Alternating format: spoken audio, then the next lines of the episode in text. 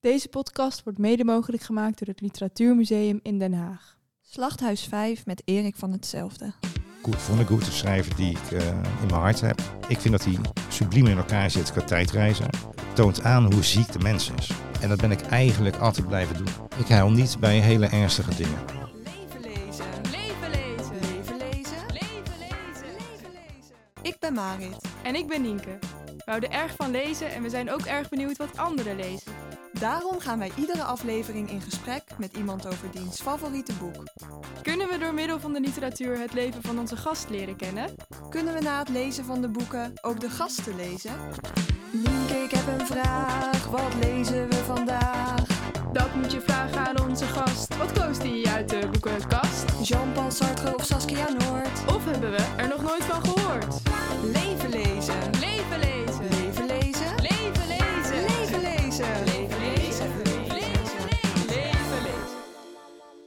Hoe is het?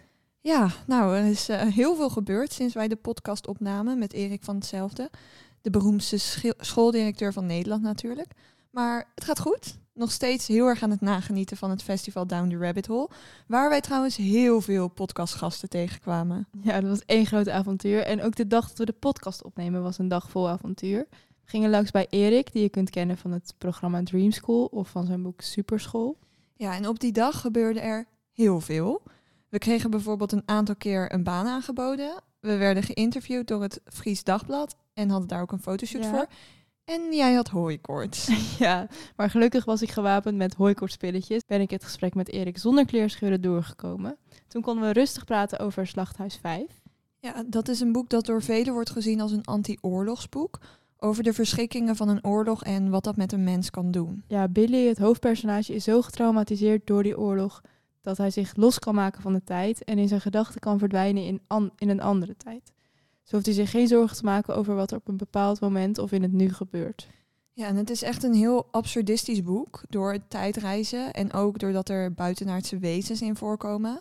Maar tegelijkertijd is het ook autobiografisch, want de schrijver Kurt Vonnegut, of Kurt Vonnegut, ik weet eigenlijk helemaal niet hoe je het uitspreekt. Volgens mij de Erik Koert Voenekoert.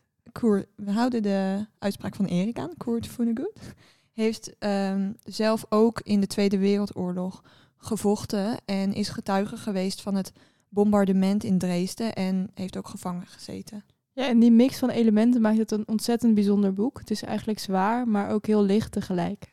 Wat heeft eh, de geschiedenis toch een hoop bijzondere schrijvers voortgebracht?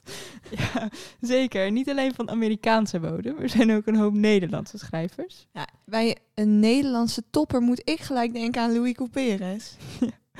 En nu wil het toeval dat het, literatuurmuse- dat het Literatuurmuseum de komende tijd heel veel aandacht wordt besteed aan Couperus. 16 juli is het namelijk 100 jaar geleden dat hij is overleden. En daarom zet het museum zijn hele oeuvre in de schijnwerpers. Ja, maandelijks presenteert het Literatuurlab nu een artikel waarin een schrijver van nu een aspect uit Couperus' werk uitlicht. Eh, en er is bijvoorbeeld al een stuk verschenen van Philip Huff.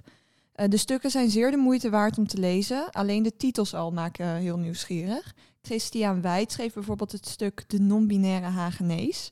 Nou, als dat niet uitnodigt, dan weet ik het ook niet meer. Ja, en verder komt er in het najaar ook een grote online expositie. Voor al deze dingen ga je natuurlijk weer naar literatuurmuseum.nl slash literatuurlab. Maar bewaar dat natuurlijk wel even voor na de podcast, want we gaan nu eerst luisteren naar Erik van Hetzelfde. Leven lezen. Leven lezen! Leven lezen. Leven lezen! Leven lezen. Dag Erik.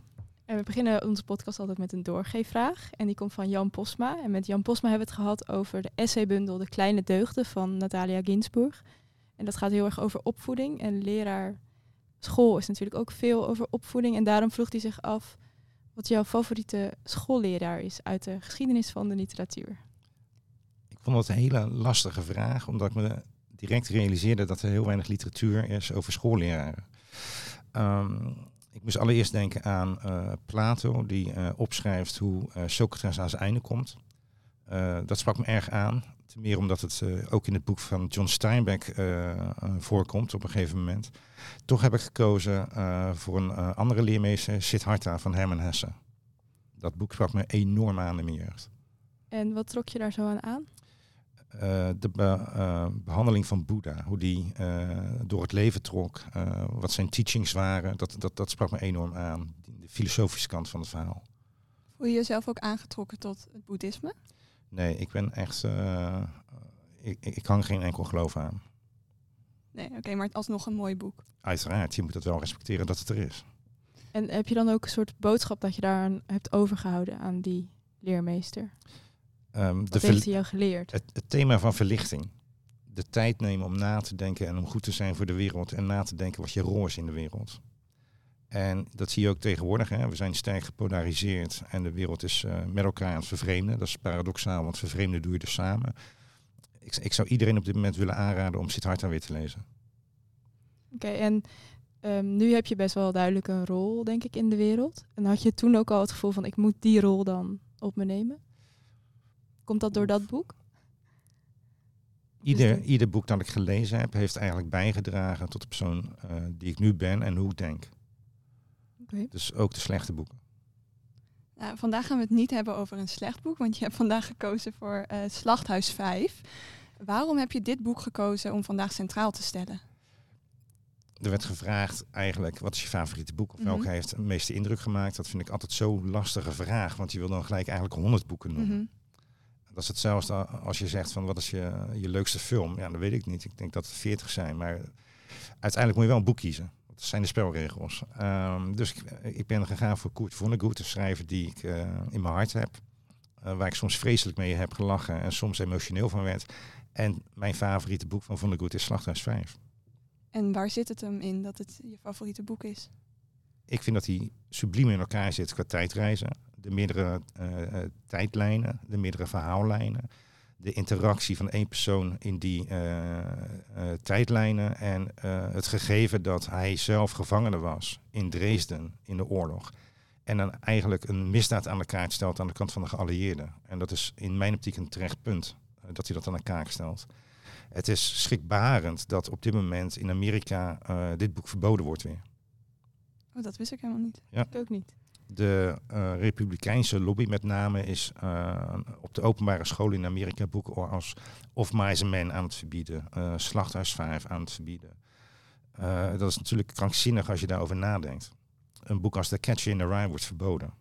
Dus eigenlijk ja, moeten we toch een beetje gaan nadenken over in, in welke fase dat land zit. Als het meest democratische land, zo gezegd, of zo gesteld ter wereld. Ja, en je schrijft in je eigen boek Superschool ook dat het een boek is dat de wereld kan veranderen. En daarin noem je ook The Catcher in the Rye, wat je nu ook weer noemt. Ehm, wat is er aan dat boek dat de wereld kan veranderen? Kun je dat uitleggen? Als je de oorlog wint, schrijf je de geschiedenisboeken. Punt. Dus dat kan je volledig naar je hand zetten. En we hebben het natuurlijk vaker over de misdaden van eh, de Japanners of van de Duitsers. En terecht, eh, maar dat is een eenzijdig bericht. En het feit dat we steden als eh, Dresden kapot hebben gebombardeerd en dat daar een theorie achter zat, dat dat bedacht is in, eh, door de wetenschap. Eh, eerst bombarde- bombarderen, dan krijgt die steden, die krijgen windtunnels en daarna de brandbommen. Het toont aan hoe ziek de mens is. Dat we echt heel erg diep nadenken over hoe we zo snel mogelijk en zo effectief mogelijk de ander kunnen vermoorden.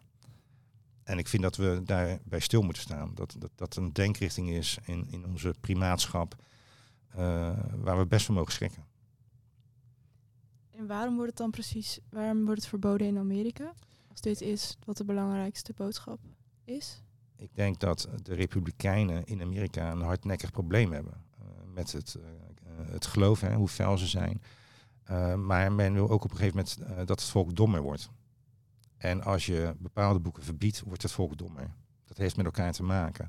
Het slaat natuurlijk nergens op, want één intellectueel die zei van oké, in Florida was dat. eh, dus als er seks in voorkomt, dan wordt het verboden in deze staat.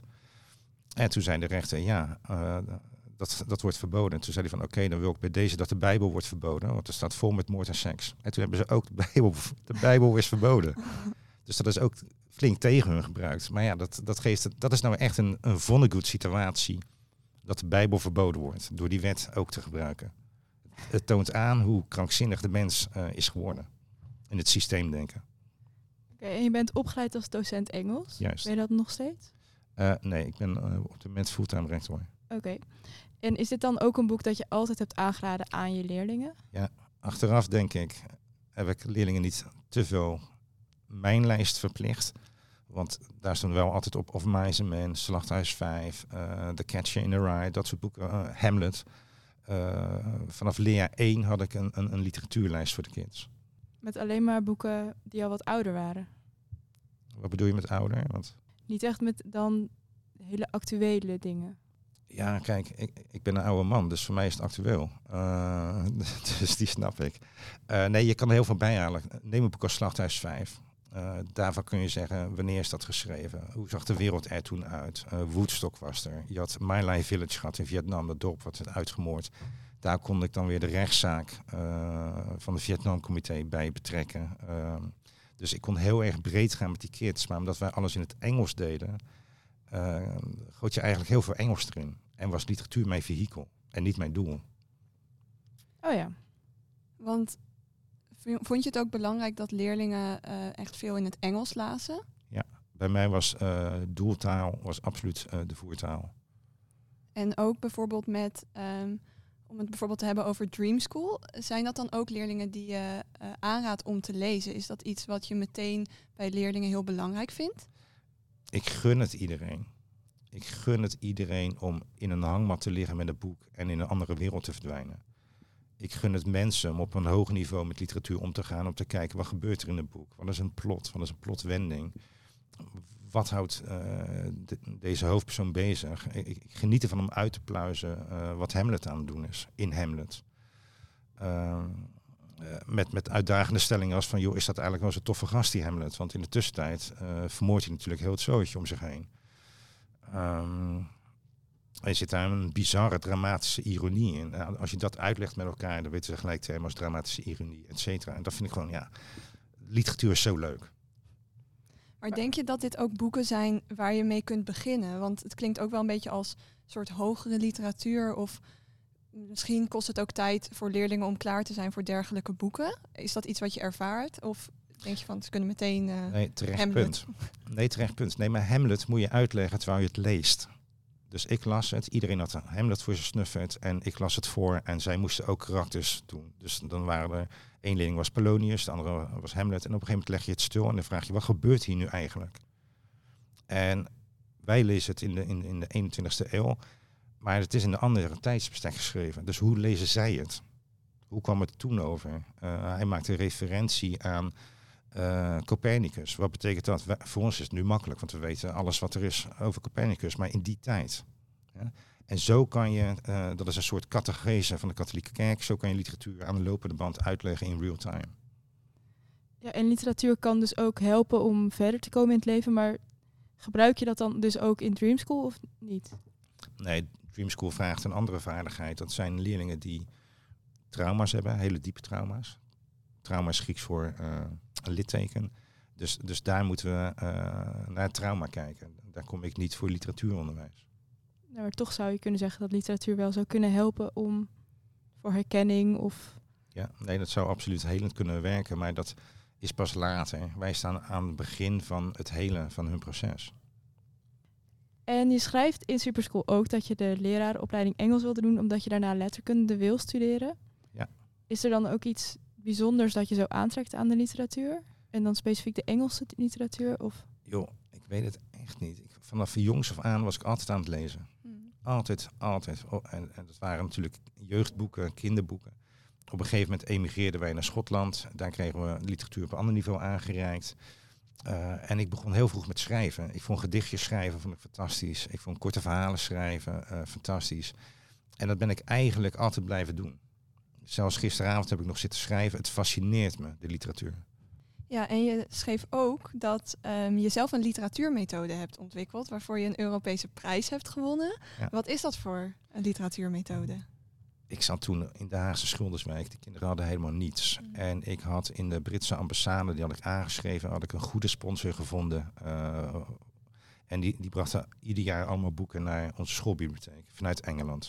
Die kregen wij gratis. Daar kon ik mee, kon ik de titels aanreiken en dan gingen zij het betalen en bezorgden ze het. En kwam gewoon de ambassadrice in de auto die boeken brengen. En op een gegeven moment dacht ik, ik moet er meer mee, want ik merk dat die kinderen meer kunnen. Dus nu zijn we verdiepend eh, gaan nadenken over eh, Shakespeare, over Henry V, et cetera. Dat heb ik allemaal gebundeld in een methode. Uh, met alle oefeningen erbij en de opdrachten erbij.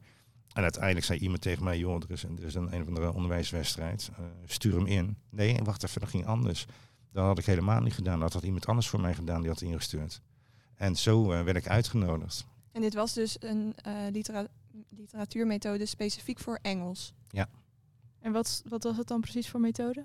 Nee joh, het was in mijn optiek een, uh, gewoon al mijn lessen gebundeld. En hmm. die had ik gebundeld en dat had ik genoemd Wanted, Red, uh, wanted Dead or Alive. Uh, en het sprak zo aan bij de collega's dat zij uiteindelijk hebben ze dat naar die wedstrijd gestuurd. En toen vond ik die Europese onderscheiding. En dat kwam in de krant en ik kreeg een bosbloemen van de wethouder. Maar om nou te zeggen dat ik de wereld heb verbeterd, dat weet ik niet. Ik heb wel de, onze, onze klasse slimmer gemaakt. Kun je iets vertellen over wat er volgens jou karakteristiek is aan jouw lessen of was aan jouw lessen? Ja, die moet je echt aan de, aan de kids vragen eigenlijk. Bij mij was het gewoon totale openheid en jongens, we gaan ergens induiken. Ik mm. volgde nooit de lesmethode. Want grammatica, al die oefeningen, present, past, simple past, weet je, dat is zo ontzettend uh, saai. En dat moet je ze gesublimeerd laten leren. Doordat ze naar je zinnen luisteren, door deze telkens uh, laat praten en af en toe verbetert. Dat is hoe je een tweede taal aanleert. En niet uh, met jongens in hoofdstuk 7 gaan we de, de, present perfect doen. Daar geloof ik absoluut niet in. Kijk naar alle kinderen die tweetalig zijn opgevoed.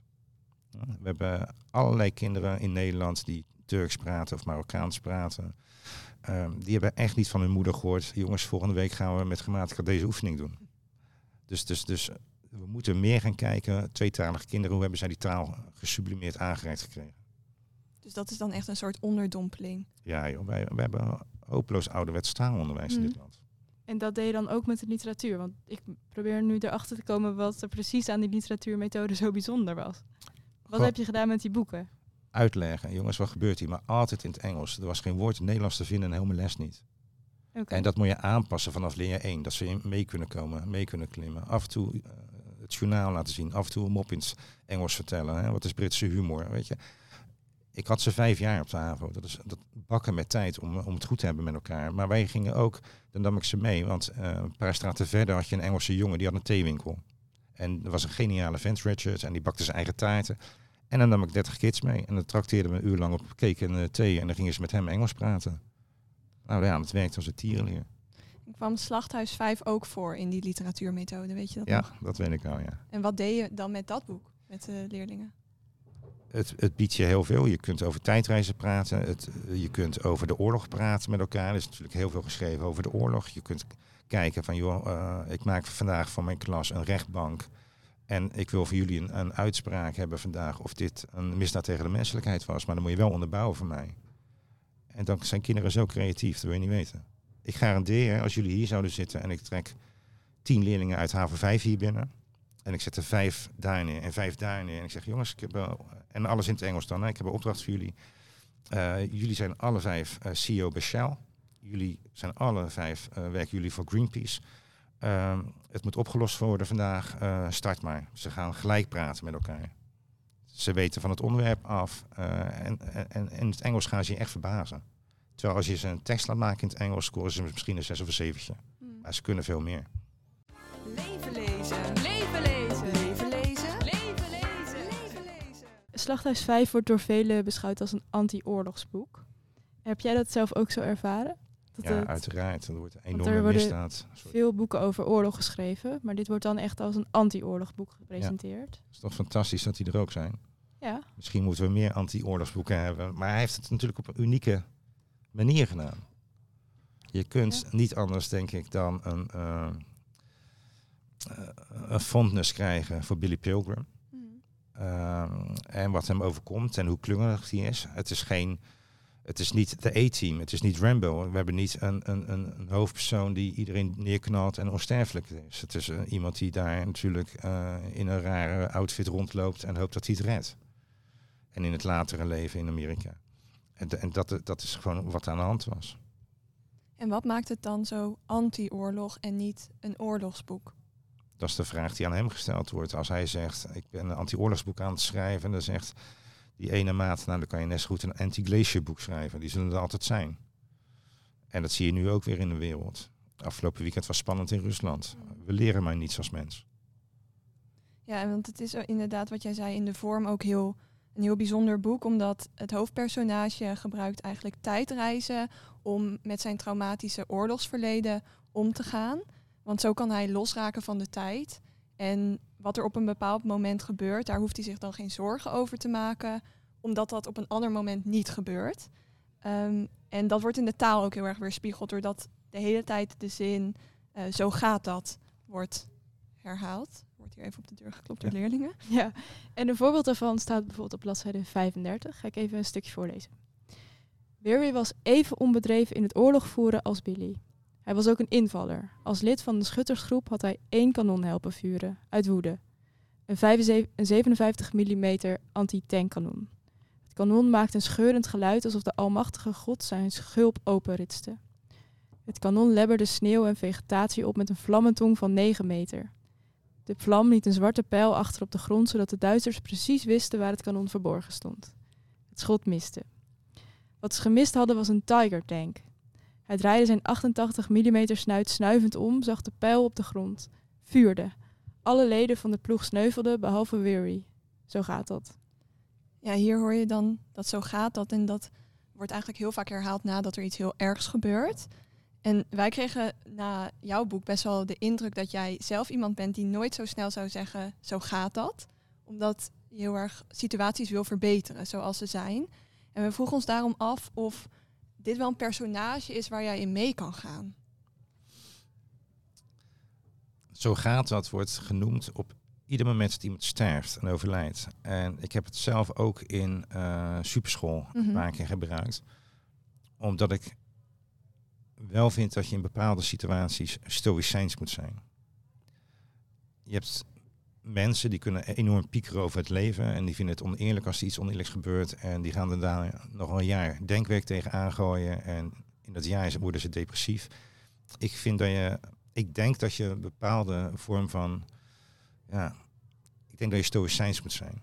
Omdat het ook een tevallaag is bij uh, teleurstellingen. En het is ook een zelfreinigend, maar ook een beschermend iets. Je kunt bepaalde zaken in het leven niet uh, wijzigen. Mijn vader is overleden, dat vond ik super dramatisch. Maar ook ik zou komen te overlijden. Mhm. En als je daarover na gaat denken en je raakt in paniek, dan, dan, dan geloof ik niet dat het leven nut heeft. Want dan haal je niet alles eruit. Maar het lijkt me dan wel moeilijk om te bepalen waar die grens ligt. Van welke dingen moet je accepteren en waar moet je wel proberen te veranderen. Hoe ga je daarmee om? Hoe bepaal je zo'n grens? die is heel erg situationeel. Mm. Dat kan je eigenlijk. Billy die huilt helemaal nooit. Maar ben je dan ook iemand die nooit huilt? Ik huil niet bij hele ernstige dingen. Maar ik hou wel als bijvoorbeeld Marco van Basten afscheid neemt in San Siro, dan zit ik gelijk te huilen. Dan ben ik zo, mijn vrouw die weet dat ook van, oh jee, bij bepaalde films of zoiets van, oh jee, die gaat dadelijk snikken. Zo softie ben ik wel.